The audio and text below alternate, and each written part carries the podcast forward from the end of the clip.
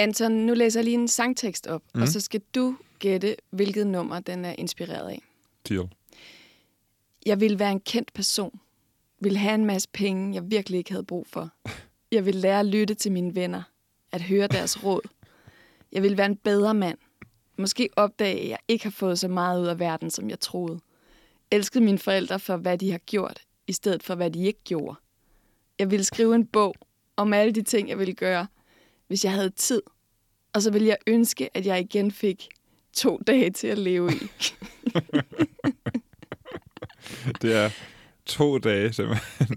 ja, hvad siger du? Hvad er det for en... Hvad er det, for Jamen, det er så klichéfyldt, at det må være Nick Jay. Det er rigtigt. Det er, det er skrevet af en AI, som fik første vers af Nick Jays en dag tilbage som input. Og, Og den, så- er, den har fucket lidt i det med en dag, ikke? Den har de tilføjet en dag. Ja. Ja. Jamen, så kan man også så kan man nå, nå lidt mere. Så kan man måske nå alle de ting, som de gerne vil nå i den sang, for der er knald på. Der, Der er virkelig meget. travlt. Det er faktisk logisk. Det er Ja, det, den har Det er tænkt. det, den har tænkt. Det her, det kan vi ikke. Det kan vi ikke ikke. nå på en dag. det er genialt. Den er klogere end Nick Jay. Faktisk. Men det er jo meget godt ramt. Det er ekstremt godt ramt. Altså, man kunne høre det nærmest allerede. Nu ved jeg ikke, nu er det også lidt din måde at læse op på, var sådan lidt Nick Jay-agtigt. Du er Jeg jo en Nick jeg og Jay performede. Ja. øh, girl, ikke? Jo. Men allerede de første tre sætninger, det var rimelig spot on. ja. Det er meget sådan noget, åh, oh, jeg, skal, jeg, jeg er ikke god nok, jeg skal blive bedre. Jeg, Ja. har, brug- jeg har for mange penge, jeg har ikke brug for dem. Så vi virkelig, altså, må konstatere, at vi er nået meget, meget langt med kunstig intelligens, nu hvor man rent faktisk kan, øh, hvad kan man sige, Genskabe Ja, så stor kunst. eller altså, vi faktisk har erstattet Nick og Jay på en måde, ikke? Jo, de kan sagtens bare gå på pension. Ja, vi behøver ikke mere. Vi har alle deres lyrics. Vi putter dem bare ind i en AI, og så får vi nogle flere. Faktisk så kunne vi også få en AI til at lave musik til den her tekst, ja. Hvis det var. Fordi dem, der har lavet det tekstgenereringsværktøj, dem, der hedder OpenAI, de har også lavet noget, der hedder Jukebox, som er et, øh, et neuralt netværk, som genererer musik ud fra forskellige genrer. Så skal man bare forklare, øh, vi skal have noget føle-pop med lidt, lidt rap-agtigt henover. Lige præcis. Så har du blødt. lige et Nick og Jay-nummer. Og det er jo genialt. Det er jo genialt. Og det er så et spørgsmål, om det er begyndelsen til enden på en eller anden måde. Og det synes jeg er meget godt, et meget godt billede på det. Ja, det vil jeg lige tænke over. Anton, vi tales lige ved lidt senere. Ja. Du lytter til Vi er Data. Mit navn er Marie Høst.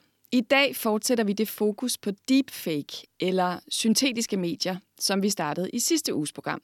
Men den her gang, der handler det specifikt om tekst og sprog. Kunstig intelligens har gjort enorme fremskridt over det sidste årti, men sjældent har AI-forskere været så meget op at køre, som de er over et nyt tekstgenereringssystem med det mundrette navn GPT-3, som kom ud som beta-version til få udvalgte her i juli måned. GPT-3 står for Generative Pre-trained Transformer, og den kaldes den stærkeste sproggenererings-AI nogensinde. Og der spekuleres nu i, hvad det vil betyde for alle, der arbejder med at skrive og producere tekst og for kommunikation i det hele taget. Jeg skal tale med data scientist Edin Ikanovic, der allerede har fingrene i GPT-3, og blandt andet har brugt det til at lave lige præcis det nye vers til Nick og Jays hit En dag tilbage, som vi lige hørte, og som kan fortælle, hvorfor det er så banebrydende en teknologi. Og så får jeg besøg af Peter Svare, foredragsholder og forfatter til bogen Hvad skal vi med mennesker?, som handler om, hvordan vi egentlig skal forholde os til kunstig intelligens. Velkommen til Vi er Data. Nu vil jeg ringe til Edin Ikanovic. Edin er data scientist hos Kooperativet Analyse og Tal, som med egne ord tæller det, der er svært, og gør det overskueligt for os andre. Og Edin har altså som en af de første fået adgang til tekstgenereringsautomaten, eller sprogmodellen GPT-3. Det er det. Hej Edin, det er Marie fra Vi er Data. Hej Marie. Edin, vil du starte med at forklare helt fra bunden, så alle kan være med. Hvad er GPT-3? Så GPT-3 er en øh, ny øh, sprogmodel lavet af den her virksomhed, som hedder OpenAI, som er i stand til at kunne øh, i bund og grund færdiggøre sætninger. Øh, så man kan give den her sprogmodel noget tekstdata som input. Det kan for eksempel være, der var en gang, og så kan man trykke enter, og så kan den her øh, algoritme fortsætte den sætning og give en en historie. Og hvorfor er det, at hele tech-verden er så meget op at køre over lige præcis det her neurale netværk? Jamen, tech-branchen er op at køre, fordi at det har vist sig, at sådan en sprogmodel kan faktisk meget mere end det. Øhm, Udover at kunne færdiggøre historier, så kan den faktisk også kunne øh, lave oversættelser, den kan svare på spørgsmål, den kan skrive nyhedsartikler, den kan da øh, skrive computerkode og digte og lave matematik. Og det er lidt overraskende, fordi den er ikke trænet til at kunne nogle af de her ting specifikt, men man har bagefter, efter at man har trænet den, fundet ud af, det kan den også. Men hvad det er, er det? fantastisk. Det er da helt fantastisk. Men hvad er det, den er trænet på? Så den er trænet på et uh, stort datasæt, der hedder Common Crawl, som er øh, øh, sådan en øh, indsamling af øh, stort set alt det tekstdata, man kan finde på internettet. Øh, så blandt andet Wikipedia-data, de bøger, man har til rådighed, og så en masse tekst fra alle mulige øh, hjemmesider, hvad det Google, Facebook, alt hvad man lige kunne finde. Øh, alt det her tekstdata, det har man øh, smidt sammen i øh, en kæmpe stor database, og så har man øh, bedt algoritmen om at kunne øh, forudsige det næste ord i en, øh, i en sætning. Okay, så det, der er specielt ved GPT-3, det er ligesom, at den er trænet på forhånd. Man skal ikke selv give den særlig meget information, før den ligesom selv kan regne ud, hvad den skal levere. Ja, det der er helt særligt ved GPT-3, det er dels, at den er meget større end øh, de neurale netværk, som man har trænet tidligere. Og så har det vist sig, at når man laver sådan en, meget stort neuralt netværk, at så slipper man for at skulle gøre det, man skulle gøre tidligere, hvor hvis man gerne ville have den til at gøre noget helt specifikt, som for eksempel at skrive digte, jamen så skulle man ud og samle øh, 10.000 vis af eksempler på digte, som man så skulle gentræne algoritmen med.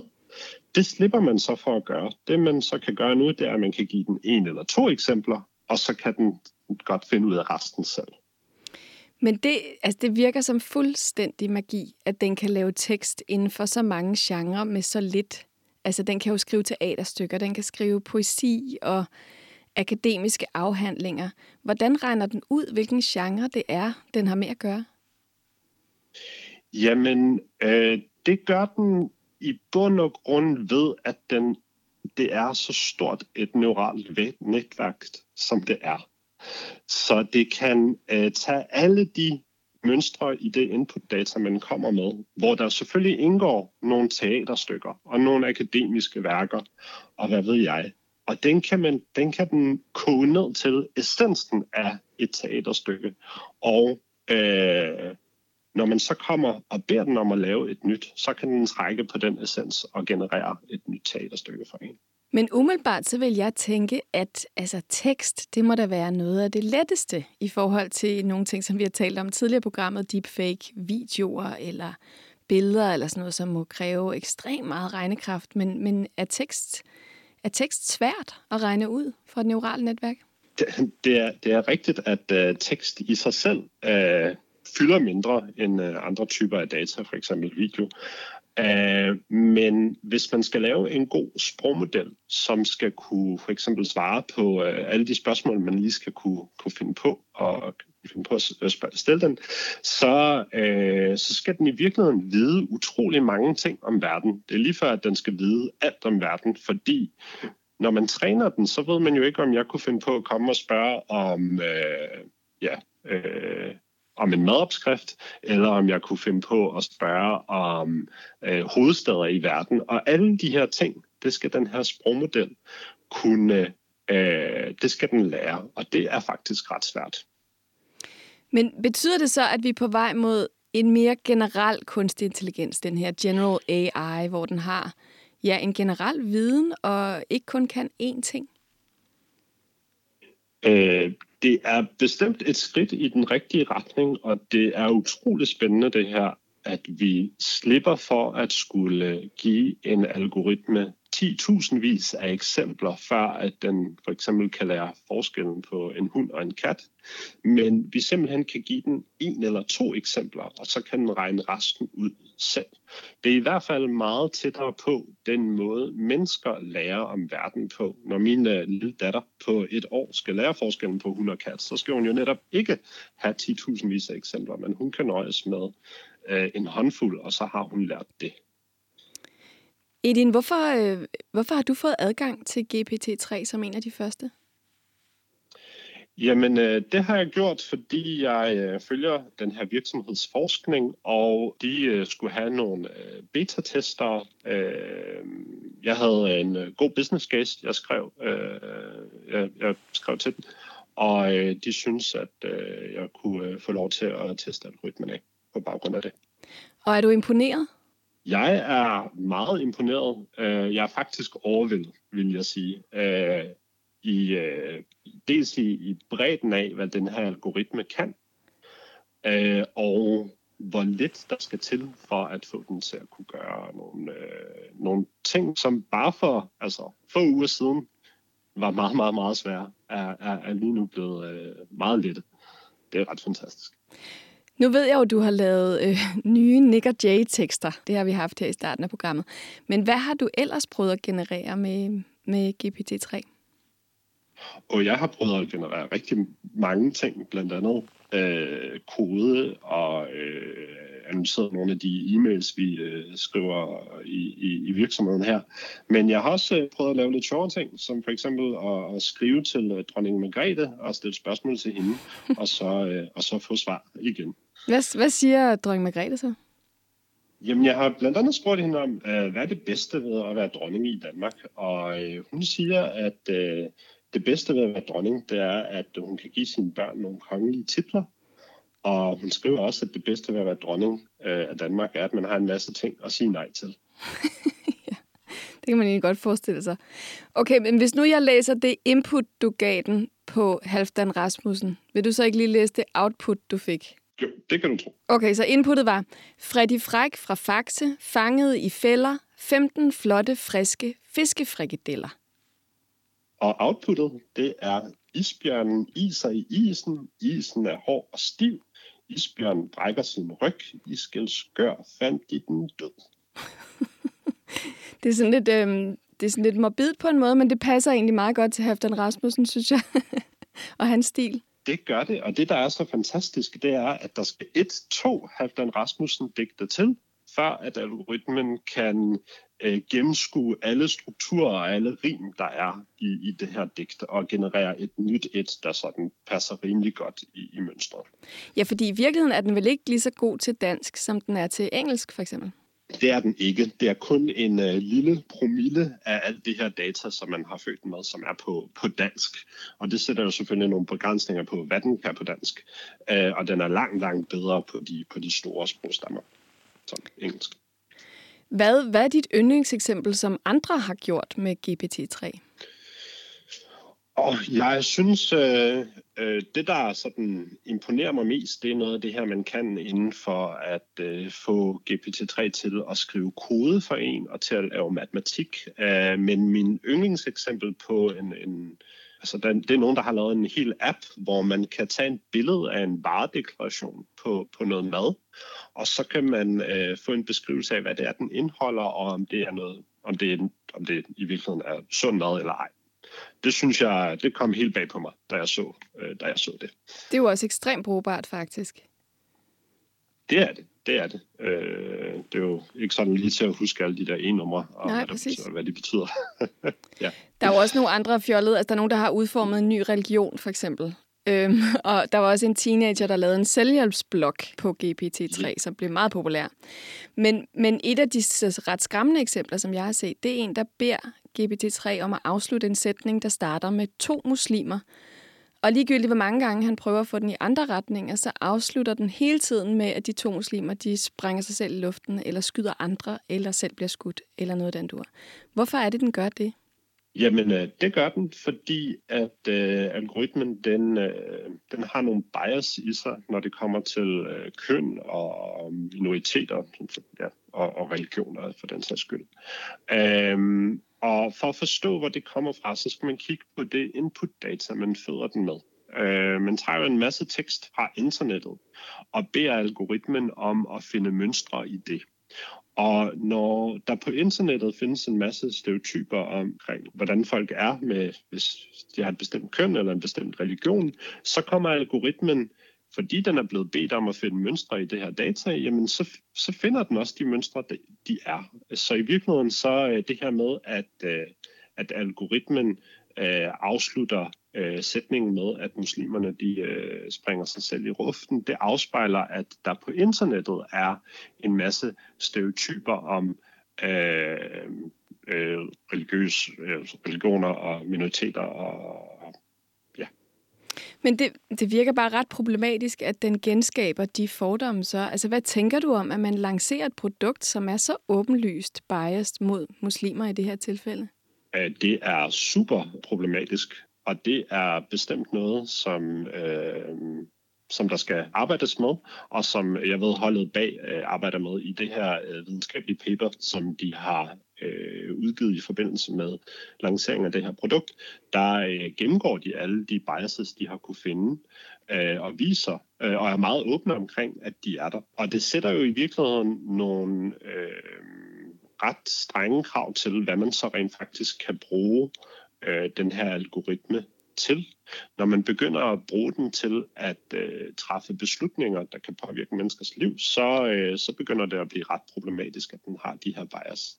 Det man arbejder med at kunne gøre, det er at, øh, at give algoritmen nogle lag hen mod slutningen, hvor man kan definere nogle biases, man simpelthen ikke vil tolerere i ens output. Det kunne for eksempel være diskrimination imellem kønnene, så man simpelthen øh, manuelt sætter ind i øh, det her neurale netværk og siger, at det her, det, det vil vi ikke øh, have med. Og på den måde kunne øh, håndtere nogle af de øh, biases, der er i output data. Og det er øh, forhåbentlig noget, vi kommer til at at, at se øh, mere i den her slags produkter snart. Det må man håbe. Øhm, ja. Som du selv nævnte lige før, så kan GPT-3 jo også kode. altså hvis man beder den om at lave et program, der kan noget specifikt, så skriver den simpelthen koden. Er du ikke bange for at blive arbejdsløs? Edin? jo, som, som en, der lever af at skrive kode, så øh, ej, jeg er ikke bange for at blive øh, arbejdsløs.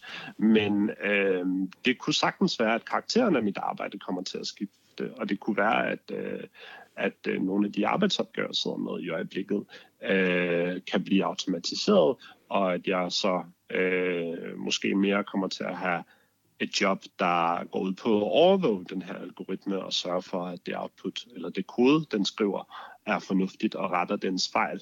Øh, så simpelthen en mere sådan supervisor-agtig rolle, øh, end simpelthen den, der sidder og skriver øh, lige nu. Det kunne være. Og hvad med mig som journalist, når jeg skriver noget? Vil der også stadig være brug for mig, tænker du? Ja, men det, det tror jeg, der vil. Uh, godt nok er der eksempler på, at uh, folk uh, ikke kan kende forskel på, om uh, artikler er skrevet af GPT-3 eller rigtige journalister. Men uh, jeg tror, der vil uh, altid være brug for en uh, menneskehånd i sidste ende til at træffe beslutninger om, hvad for noget output der er godt nok, og hvad for noget der ikke er, og hvad det skal bruges til. Så øh, jeg tror godt, vi kan sove trygt. Men måske vi slipper for nogle af de kedelige opgaver. Det lyder ikke helt dumt. Jeg skal lige høre dig her til sidst. Bag GPT-3, der står en virksomhed, der hedder OpenAI, som du nævnte tidligere. Er der, er der konkurrenter øh, på vej med noget lignende? Der er bestemt konkurrenter. Der er et helt øh, våbenkapløb, og GPT-3 er blot den sidste i en lang række af lignende sprogmodeller, hvor man hvor, hvor kapløbet går ud på at lave modellerne større og større og større hvor ja, GPT-3 som sagt er sidste skud på stammen. Hvis det viser sig, at GPT-3 er så god til at skrive kode, som det ligner, den er, jamen så kommer konkurrenterne til ikke at have andet valg end at uh, inkorporere lignende uh, modeller i, i deres uh, produkter, fordi ellers så uh, kommer alle til at migrere over til OpenAI. Så jeg er ikke i tvivl om, at der kommer uh, større og bedre algoritmer fra konkurrenterne snart. Edin, tusind tak, fordi du fortalte mig om GPT-3. Tak, det var en fornøjelse. Du lytter til Vi er Data på Radio Loud. Mit navn er Marie Høst. I dag taler vi om kunstig intelligens. Et sproggenereringssystem med det mundrette navn GPT-3, som kan lave meget troværdig tekst i ufattelig mange genrer med ganske lidt input. Og derudover kan den i øvrigt også regne, kode og meget andet. Nu vil jeg byde velkommen til Peter Svare. Peter er foredragsholder og forfatter til bogen Hvad skal vi med mennesker? som handler om kunstig intelligens. Så selvfølgelig har han også kigget ind i GPT-3, da beta-versionen blev gjort tilgængelig her i juli måned.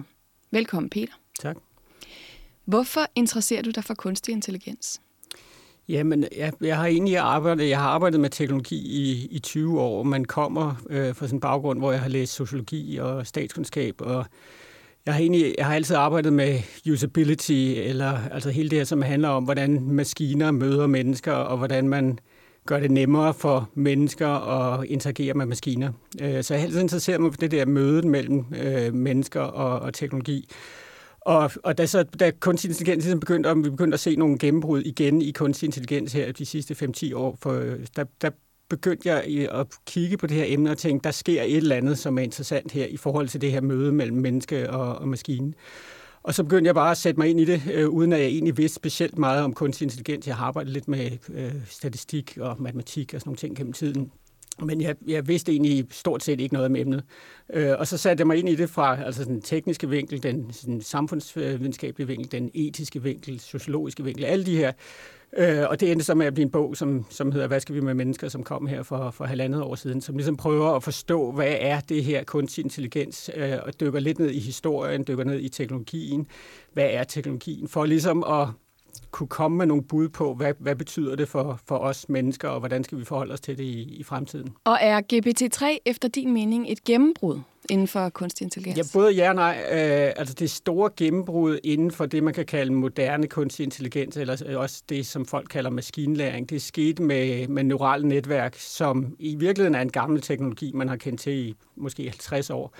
Men for omkring 10 år siden, der begyndte der at ske noget inden for det her med neurale netværk og maskinlæring, fordi man pludselig fik nogle computere, der kunne noget, noget mere, end de kunne før. Og man fik nogle data, man pludselig havde man fået det her internet med en masse data, som de her meget kraftige maskiner kunne gå ud og, og læse og lære af.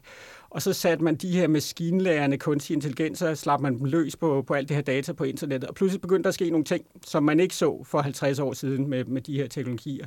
Og man fik nogle gennembrud, hvor de pludselig kunne begynde at genkende billeder, og de kunne begynde, øhm, der er sikkert også mange, der har lagt mærke til, at Google Translate pludselig begyndte at blive væsentligt bedre, end det havde været, at man kunne oversætte fra et sprog til et andet.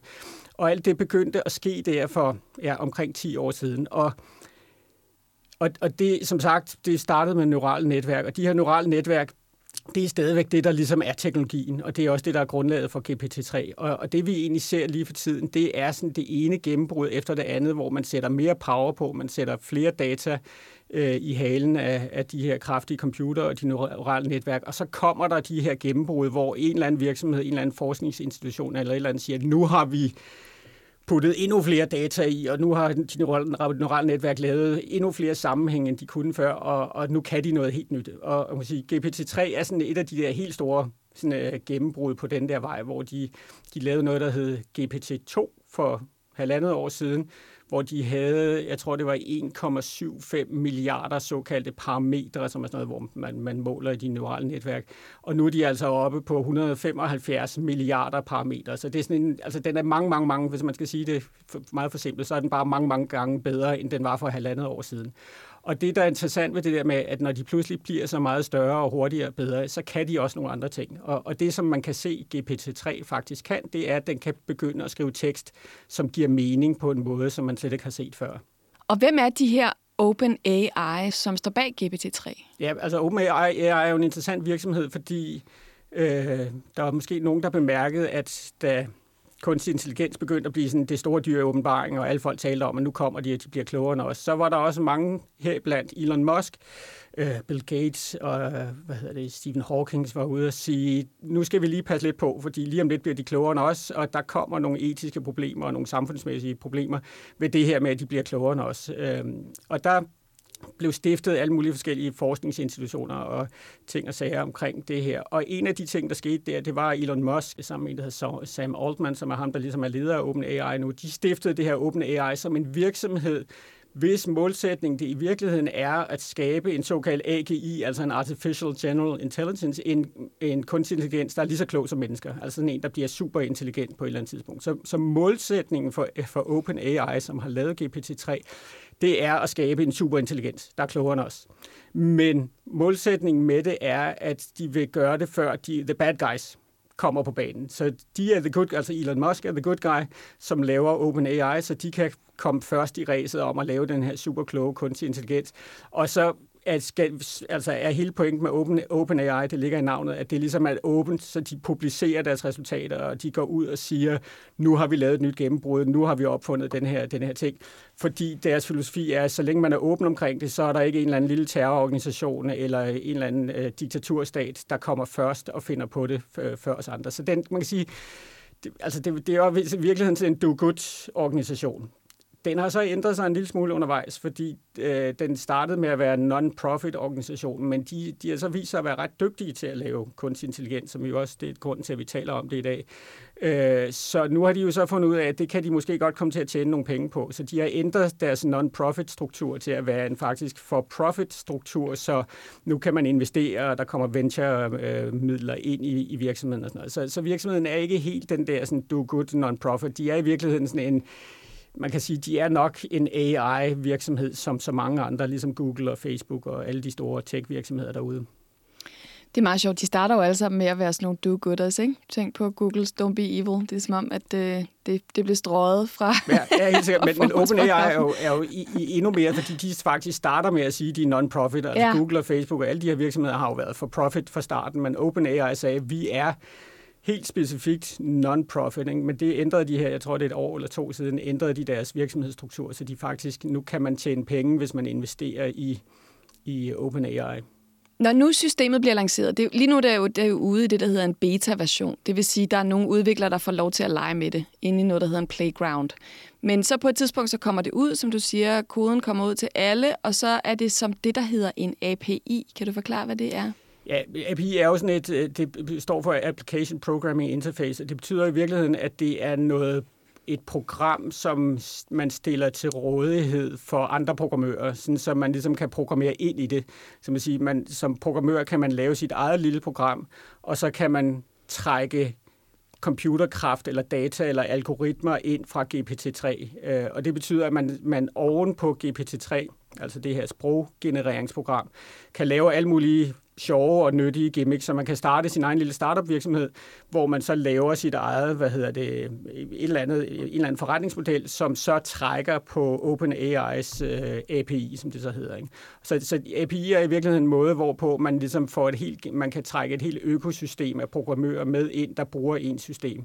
Øh, og det kan man jo gøre, fordi man er sød og venlig og bare stiller det her til rådighed, men det er jo også, fordi det kan være en god forretning. Det, altså, det er jo et fuldstændig det samme, som, som Google gør med deres, øh, meget af deres kunstig intelligens-teknologi, øh, det stiller de også til rådighed i, i API, og, og rigtig mange af de kunstig intelligens løsninger, vi møder ude i den virkelige verden i dag, de bygger, på, de bygger faktisk på Googles øh, system, altså Googles API. Faktisk, hvis man ringer her i, i Region Hovedstaden, hvis man ringer 112, så sidder der faktisk sådan en, et lille program, som er bygget oven på Googles API, som lytter efter, hvad du siger øh, i 112-opkaldet. Og hvis der er en kunstig intelligens, der finder et mønster, der tyder på, at det, du ringer om, det er et øh, hjerteslag, øh, ja, så bliver der sat nogle særlige procedurer i sang. Så, øh, så der er simpelthen en kunstig intelligens, der lytter med på et 112-opkald i Region Hovedstaden i dag.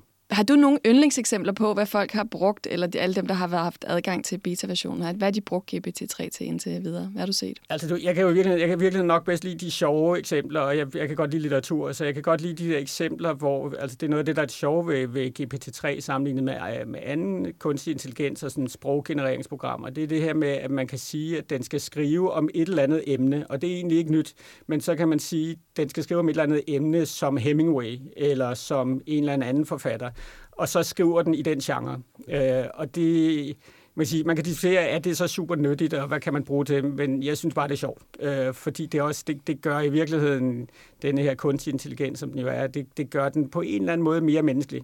Altså fordi vi ved jo alle sammen, at det her med at at have et sprog, det er jo ikke bare at have et sprog, det er jo at have sit eget sprog. Altså den måde, man taler på, den tone og tonalitet og humor og så videre, så videre. Det er jo noget, som er forskelligt fra menneske til menneske. Så i virkeligheden et af skridtene mod at lave kunstig intelligenser, der kan skrive og tale, det handler jo også om at finde en eller anden toneart eller tonestil. Øh, og, og det er noget af det, de har ramt med det her. Og det, det vil sige, det er måske nok noget af det, der egentlig er det helt nye ved GPT-3 sammenlignet med, med andre ting, vi har set tidligere.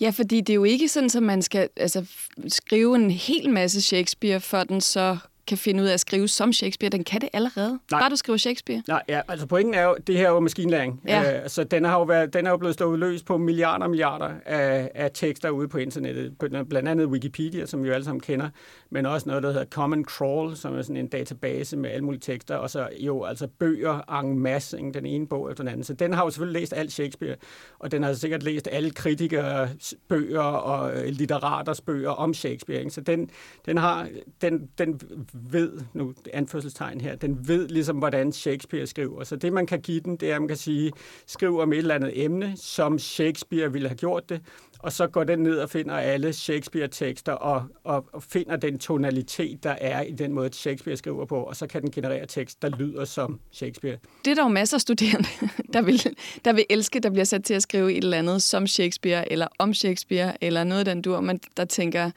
det her det er lige præcis noget, jeg godt kunne have brug for. Men vil du mene, at, øh, at GPT-3 kan være kreativ, for eksempel?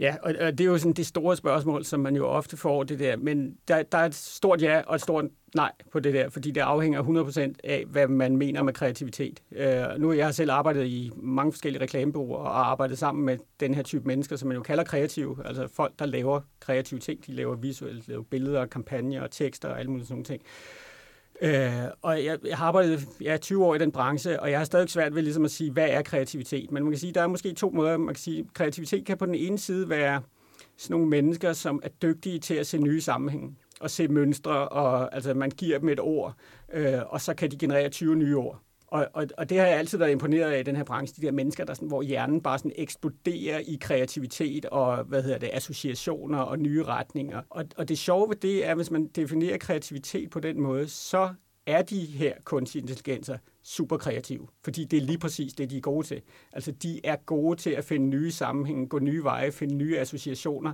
øh, finde mønstre, som vi mennesker måske ikke lige præcis har tænkt på. Det er det, det, de kan. Altså, det er det neurale netværk. Hvis der er noget, neurale netværk er, så er det mønstergenkendelsesmekanismer. Så på den måde er de kreative. På den anden side, hvis man definerer kreativitet som noget med at skabe noget unikt, som relaterer sig til menneskenes verden, og som forholder sig til den måde, altså til det, det vil sige at være menneske. Vi kender alle sammen reklamekampagner, som rammer spot on, hvor man sidder og tænker sådan, ja, det rammer et eller andet inden i mig. Altså det var sådan et eller andet, det minder mig om min barndom, eller der var sådan et eller andet, der var en indsigt, som det hedder i den branche. Ikke? Der var en indsigt, som bare var sådan helt unikt menneskeligt.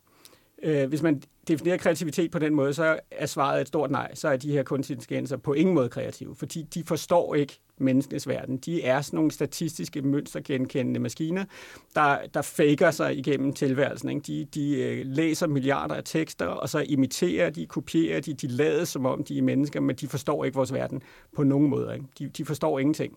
Øh, så på den måde er de overhovedet ikke kreative. Og det er meget sjovt. Jeg hørte, jeg læste nemlig godt en eller anden professor, der sagde, at det minder om lige præcis den studerende, der sidder der og ikke har læst noget, men bare faker, har samlet en masse ord op og så faker en samtale, og på et tidspunkt finder man ud af, okay, you know nothing. Lige præcis. Altså GPT-3, det, det, altså det, hvis man ser det, det generering, det er den der kvikke elev, der, der, har, der ikke lige gad læse pensum op, men som har lige fanget nogle catchphrases og nogle ting, man skal sige, som slet ikke forstår, hvad, hvad indholdet er. Man lige kan sige de rigtige ting ved at have memoriseret sådan 10 steder i bogen, og så kan, kan ved lige shuffle de der 10 steder i bogen, shuffle dem lidt rundt og præsentere dem på en ny måde med en vis intelligens bag, så kan man overbevise en lærer om, at man faktisk er rimelig klog. Ikke? Men, men hvis man efterfølgende får et job inden for det her øh, fagområde, så forstår man overhovedet ikke, hvad det handler om. Ikke? Men jeg har hørt nogen sige, at det her det er det sådan et vigtigt skridt hen mod den her generelle kunstig intelligens, som du også nævnte i starten. Vil du ikke lige prøve at forklare, hvad er det der generelle kunstig intelligens? Jo. Altså generelt kunstig intelligens, som jo på, på engelsk hedder uh, AGI,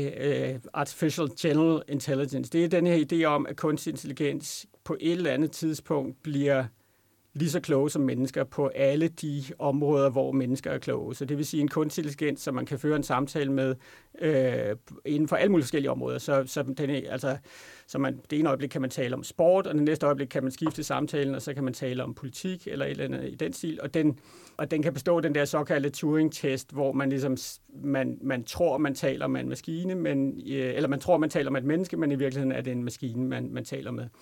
Og det er jo klart, det er jo sådan ligesom den hellige gral inden for forskningen, inden for kunstig intelligens, at få skabt denne her øh, maskine, der kan det her. Og, og det, der jo er interessant, det er, at man har jo i virkeligheden talt om kunstig intelligens, lige siden Mary Shelley skrev sin Frankenstein-bog. Det er jo også en bog, som handler om kunstig intelligens. Og da hun skrev den bog, der troede man jo et eller andet sted også på, at man kunne skabe AGI, altså øh, Artificial General Intelligence, ved at tage nogle øh, lægemestele og sætte sammen og sætte noget strøm til, og så kunne man skabe et, et nyt menneske. Ikke?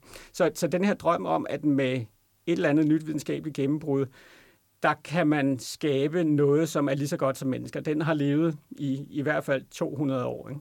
Og den kommer sådan, hver gang vi ser de her gennembrud inden for kunstig intelligens, så er det som om, den kommer op igen, fordi vi har en tendens til som mennesker, hver gang vi ser noget, der virker menneskeligt, så antropomorfiserer vi det, altså vi, vi gør det til menneske, vi gør det menneskeligt. Altså hvis, hvis jeg tegner en, her på et stykke papir foran dig, tegner en, en, en rund cirkel med to prikker og en halvcirkel i, så ser du et menneske. Så lige så snart vi ser det mindste fli af noget, der ser menneskeligt ud, så har vi en tendens til som mennesker at menneskeliggøre det og tænke, okay, det, det der, det er et menneske. Og det er det samme, der sker med det her, øh, med GPT-3, at, at det, den begynder at agere menneskeligt, men når man begynder at dykke lidt ned i, er det egentlig men, er det, agerer den menneskeligt, tænker den menneskeligt, så er den meget, meget, meget langt fra. Og, og der er selvfølgelig forskellige holdninger til det her, men min holdning er i hvert fald, at vi er stadig meget, meget langt fra en intelligens, der, kan, der minder om den måde, som, som mennesker er intelligente.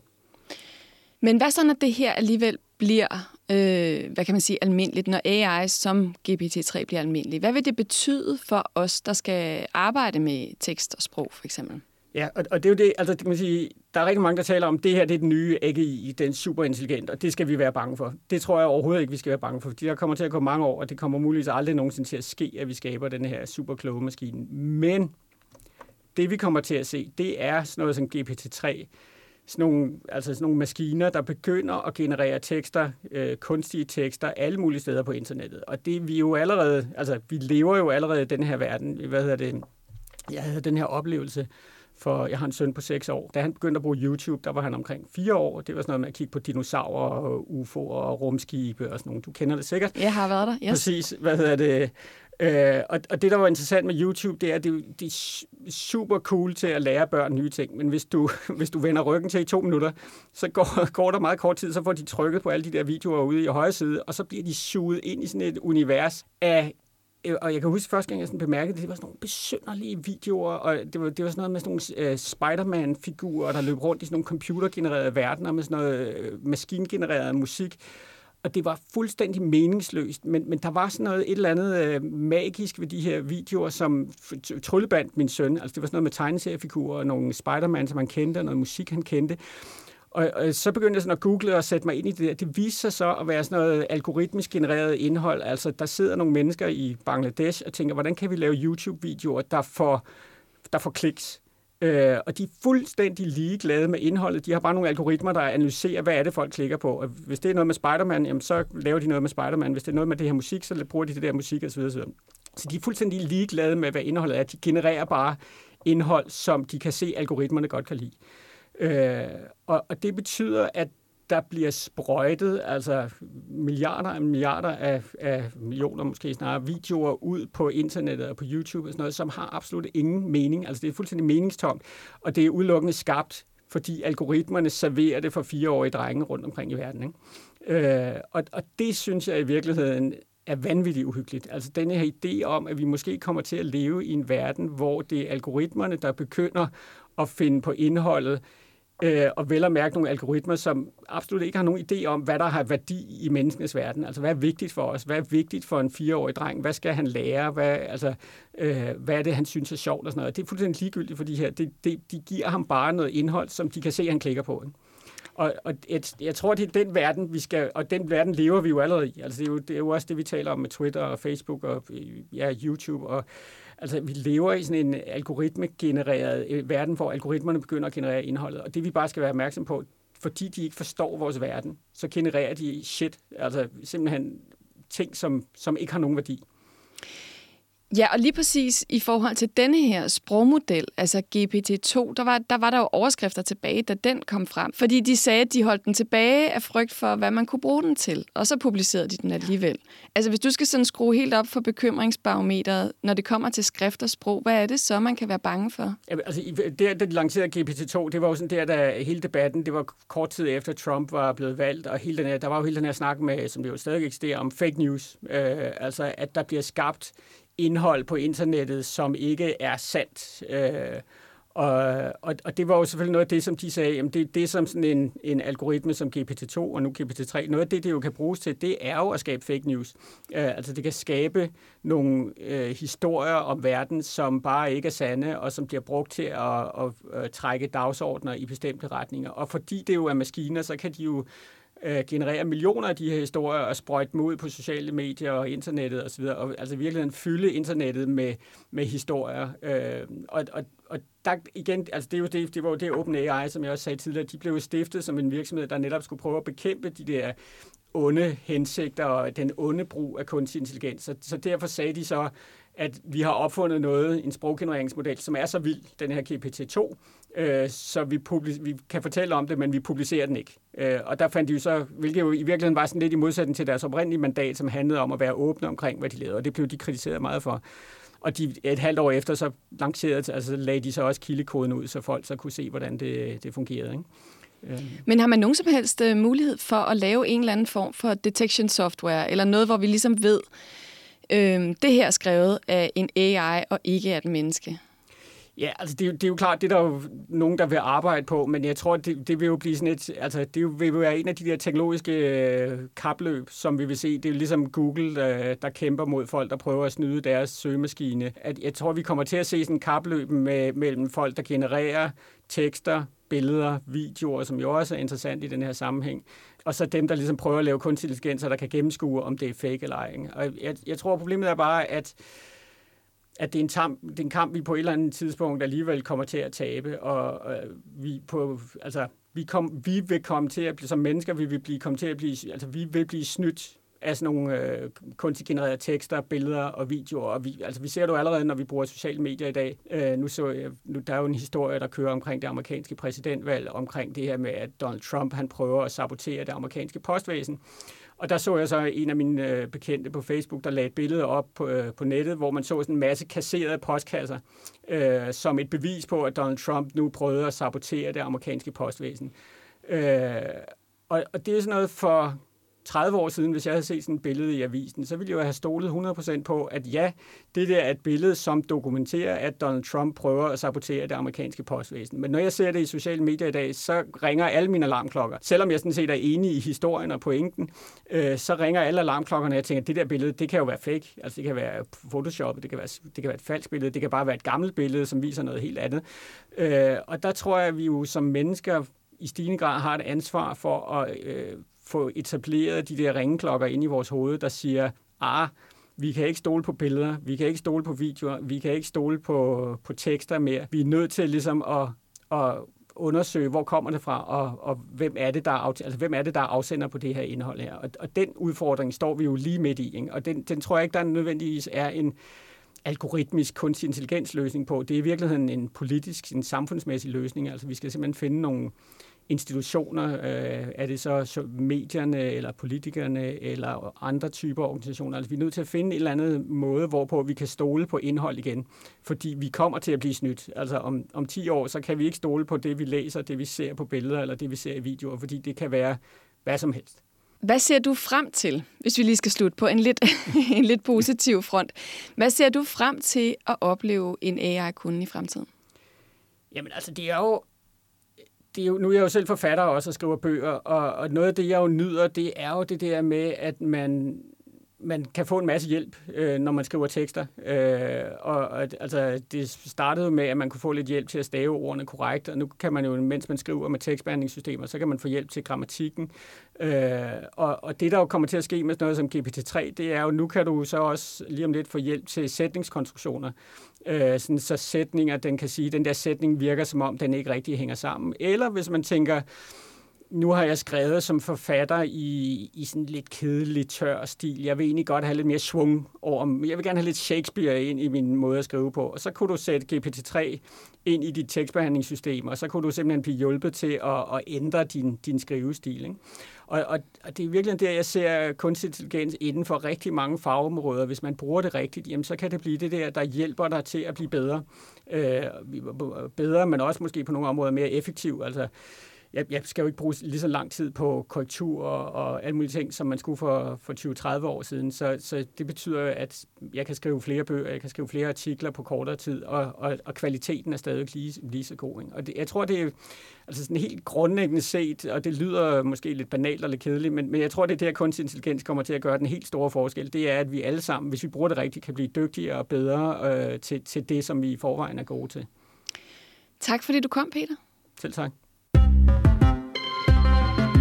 Du lytter til Vi er Data på Radio Loud. Mit navn er Marie Høst. I dag har vi talt om GPT-3, en sproggenererings-AI, som kan lave meget troværdig tekst i ufattelig mange genrer med ganske lidt input.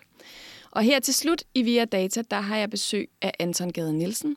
Anton er vært på All Caps, som man lige skal gå ind og høre, og som også produceres her på Enigma Museum øhm, for Radio Loud. Og Anton, han er, så, han er på nettet hele tiden, og har derfor overblik over guldgrupper af begavet og åndssvagt indhold, ikke? Jo. Er det ikke rigtigt? Jo, det lyder meget rigtigt. Det. og Anton, vi to har jo selv leget lidt med GPT-3 i en form for tekstbaseret spil, der hedder AI Dungeon. Uff. Ja, det er jo, jeg ved ikke, om hvor meget det er et spil, eller hvor meget det i virkeligheden bare er sådan, at øh, du siger nogle, du skriver nogle ting, og en, den her AI siger nogle ting, og så fortæller ja. man ligesom en historie sammen. Ja. Ligesom den gode gamle leg, hvor man sidder en rundkreds, og så får jeg lov til at fortælle, hvad historien starter med, og så ja. kommer Karsten og Tobias ja. og Jakob og så... Men modsat Karsten, så prøver den her AI sådan lidt at fortsætte i den, øh, på den måde, som du gerne vil have i historien. Ikke? Karsten tog altså sådan en sving, sådan et eller andet, og så døde han, ja. og så starter man forfra. Karsten. ja. ja. Jamen, det er rigtigt. Det, det er sådan en øh, samskabelsesspil på en måde, ikke? Jo. Og jeg læste et sted, at et, øh, et tip til at kommunikere med en AI, det er, at man skal starte med at give den lige lidt kontekst, fordi ellers lyder den som en fuld, usammenhængende idiot, som ham her, Mario Dian, han skrev i en blog. Så man starter ligesom med at vælge en genre. Der er sådan de klassiske sådan noget fantasy, øh, drager, øh, prinsesser, konger, og ja. Så er der sådan noget zombie og noget... Øh, Ja, lidt af hvert. Sådan noget sci-fi også, ikke? Det er sådan typisk nørder, som selvfølgelig vælger genrerne, der hedder mystery og zombie og apocalyptic ja. er der også, ikke? Og fantasy, den er ligesom recommended. Ja, præcis. Det er den nemme, ikke? Hvad, hvad, hvad startede du med? Jamen, jeg startede med, med fantasy, fordi jeg ligesom par to det, der, der var recommended. Og, og det var sådan noget, jamen det var sådan noget, øhm, hvad hed, hvad, så skulle man vælge, hvad, hvad er du, og hvad hedder du? Så mm. der valgte, der var en prinsesse, som hed Fersken, ligesom prinsessen i Mario, ikke? Jo. Og, og så kom den her historie med et eller andet med, at der var en, et kongerige var i fare, og hvad gør du? Og så springer jeg ud af vinduet. Og så fortæller man ligesom, når jeg springer ud af vinduet, og så... For, ja, det skriver man. Ja, så skriver jeg. Ja. Den spørger, hvad vil du gøre? Og så skriver jeg, jamen jeg springer ud af vinduet. Mm-hmm. Det er ligesom mere eller mindre det, jeg skriver. Ikke? Nej, jeg, skriver, jeg hopper ud af vinduet, og så løber jeg hen til et, et, et gamle hus. Og så fortæller den, når man derover er der en troldmand, og så får den ligesom forklaret lidt.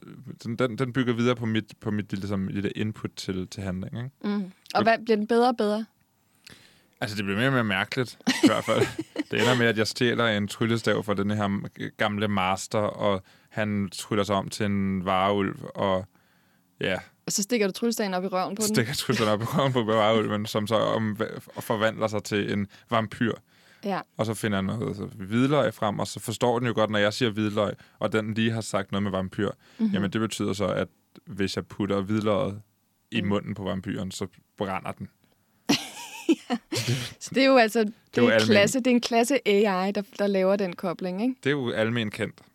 Men altså, jeg, jeg, prøvede, jeg, prøvede, jeg har startet også med fantasy. Der var jeg, øh, der var jeg en heks, som havde en, øh, en pet crocodile, der hed Cinderella. Øhm, Hvem havde fundet på det? Jamen, det, var, det var mig, der fandt på, at den skulle hedde Cinderella, men det med, at jeg havde en pet crocodile, det var noget AI'en Okay. bød ind med. Det synes jeg var ret fedt, faktisk. Men så da jeg var lidt færdig med det der med sådan eventyr, fordi jeg synes, det var lidt forudsigeligt, så tænkte jeg, okay, jeg prøver lige at lave...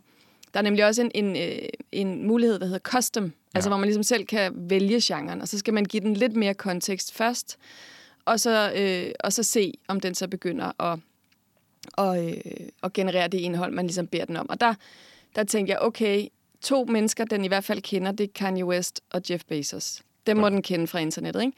Så jeg skrev, This is a conversation between Kanye West and Jeff Bezos. They are both running for president of the United States. They're arguing who will be the better candidate.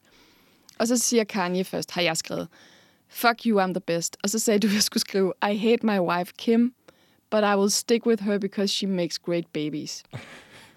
og så, Det er ikke meget ulig noget, han har sagt. så siger Jeff, You have no idea how much power I have. I will destroy you with the power of Internet of Things. I can track your every move. Og det var AI'en, der fandt på det. Øh, nej, det var også mig. Okay. Det var også mig. Men det det. Jeg skulle give den noget kontekst for, hvordan jeg tænkte, de talte, ikke? så siger Kanye, nu er det AI'en, så siger Kanye, how do you know that? Så siger Jeff, because I'm Jeff Bezos, and if you don't like it, well, then just leave this country already. Det var AI'en. Ja. Jeg synes ikke, det var så originalt igen. Så siger jeg, I will never leave. People love me and they hate you. Og så siger Jeff, nu er det AI'en igen. Well, guess what? I've been here longer than you have. So if you want to stay in this country, you're gonna have to get along with me. Og sådan fortsætter det ligesom, hvor jeg er Kanye, og, og AI'en er, er Jeff, og det, øh, det, var, det var ret underholdende. Jeg synes, det blev bedre og bedre til det, faktisk. Men det er sjovt, altså fordi altså Jeff Bezos har jo ikke som sådan noget med at sende folk ud af landet og gøre sådan i virkeligheden. Vel? Det er jo, det er jo, der er det jo mere... Det er sådan lidt... Ja, det er rigtigt. Det, det giver ikke så meget mening, men det er ret sjovt, øh, at han jo er ældre end Kanye West, og han har været der længere tid, og Ja. han er også meget rig, ikke? Jo, og det er jo også mig, der har sat tonen, skal vi lige huske. Ja. Fordi jeg skrev sådan noget, jeg skrev jo i starten, at uh, I will destroy you. Altså, vi snakker om en, uh, en, en magtfuld mand, der, gerne, der ikke er bange for at bruge sin magt. Så de er i krig. Du har ligesom etableret krigen, ja. og så fortsætter den. Ja. Så det var meget sjovt. Hvad, prøvede du nogle andre også? Jamen, jeg prøvede øh, efter inspiration fra en artikel, som du sendte til mig, som var øh, altså det her med, hvordan man får den til at... Hvordan man ligesom mere føler, at man snakker med den her AI. Mm. Så skal man sætte et interview, en interviewsituation op, og ligesom fortælle øh, spillet i den her custom setting, at det følgende er en, et interview mellem to mennesker, som sidder i et podcaststudie og skal snakke om noget. Og så hedder den ene Jack, og den anden hedder Amy. Og så starter man ligesom med at skrive, Jack siger, velkommen til det her podcaststudie, hvor er det dejligt, at du vil snakke med mig. Og så siger hun, øh, selv tak, har du det godt. Og så har man ligesom etableret settingen, og man har fortalt, der er en, der hedder Jack, der siger noget, og efter det er der et svar fra en, der hedder Amy. Og når det ligesom er etableret, så kan man så begynde som Jack at stille spørgsmål til Amy. Og, øh, og, der, og så svarer AI'en som Amy, fordi mm. det, er den, ligesom, det, er den, det er den ved, der skal komme. Ikke? Øh, og så snakkede vi om, at øh, jamen, podcastet handler selvfølgelig om, at hun havde været på et cruise ship Okay, i, øh, i rigtig mange år, og hvordan ligesom, hun, ligesom, hun ligesom har boet der. Ikke? godt og, emne. Ja, og hvad det ligesom, hvordan det var. Og men det, øh, det var fint og øh, sådan nogle ting. Og så skrev jeg, men, der, men der, jeg ved også, at der skete noget rigtig uhyggeligt på den her tur. Kan du ikke fortælle lidt om det? Ja. Og så begynder hun så at fortælle, jo, men de var ude at bade øh, på et tidspunkt på det her cruise ship, og så kommer der en mand hen og begynder at snakke til dem. Ej, det er uhyggeligt. Så sådan, ja, okay, det lyder lidt creepy, men hvad, hvad snakker han om? Hvad var det? Hvad handlede det Ja. om? Oh, men det var... De, nå ja, det, var sådan, det handlede om, at han, han, øh, han havde snakket til dem, og han havde også tilbudt dem stoffer. Okay. Øh, nå, men om de, og, og de havde sagt ja til stofferne. Nå, og hvad skete der så? Jamen, han prøvede at, han prøvede at make out with her imod hendes vilje. Nå, det var ikke så godt. Okay. Og så fortæller hun til Amy ligesom lidt om det her. Og det er sådan, at det føles næsten som at have en samtale med en lidt usammenhængende, men alligevel ægte person, ikke? Det er ret vildt. Fordi den bliver jo ligesom bedre og bedre. Altså jo længere tid man, øh, man taler sammen, jo mere retter den ind i forhold til, hvad man egentlig forventer, ikke? Jo, og når man har prøvet, som jeg jo så ofte gør, prøver at have en samtale med Siri for eksempel, som jo Ja. er det, det, det tætteste, vi i vores dagligdag kommer på det her, jamen der er der ret, der, man skal ikke ret langt hen i en samtale, før hun har glemt, hvad samtalen handler om. Nej. Og det gør, det gør denne her ikke. Det, det, det er ret tydeligt, at vi er det samme sted, det er den samme person, og vi henviser hele tiden til den her cruise ship oplevelse. Ja. Så lige meget hvor langt, hvor mange skridt i den her samtale vi kommer, så er det stadigvæk den her mand, der indledte den samtale og tilbød dem stoffer, som er på det her cruise ship, som hun har været på i mange år. Altså hele rækken er ligesom med hele tiden. Det synes jeg, øh, det, det, det synes jeg er ret crazy på en eller anden måde. Det er faktisk virkelig god underholdning, og jeg vil anbefale alle at gå ind og prøve det. Øhm, skal bare søge på AI Dungeon, så spiller man, eller skriver i sin browser, og det Ja. er sgu ret imponerende. Ja, det er, det er sjovt. Tak, Anton. Jamen, det er sødt. Det var alt, hvad vi nåede denne gang i Vi er Data. Vi er tilbage næste lørdag kl. 17, og ellers kan du som altid finde programmet og alle de tidligere 16 programmer i din foretrukne podcast-app. Programmet var produceret af og på Enigma Museum for Post, Tele og Kommunikation, og i redaktionen sidder Anton Gade Nielsen, Nana Schmidt Nordeskov og jeg selv, jeg hedder Marie Høst. Tak for denne gang.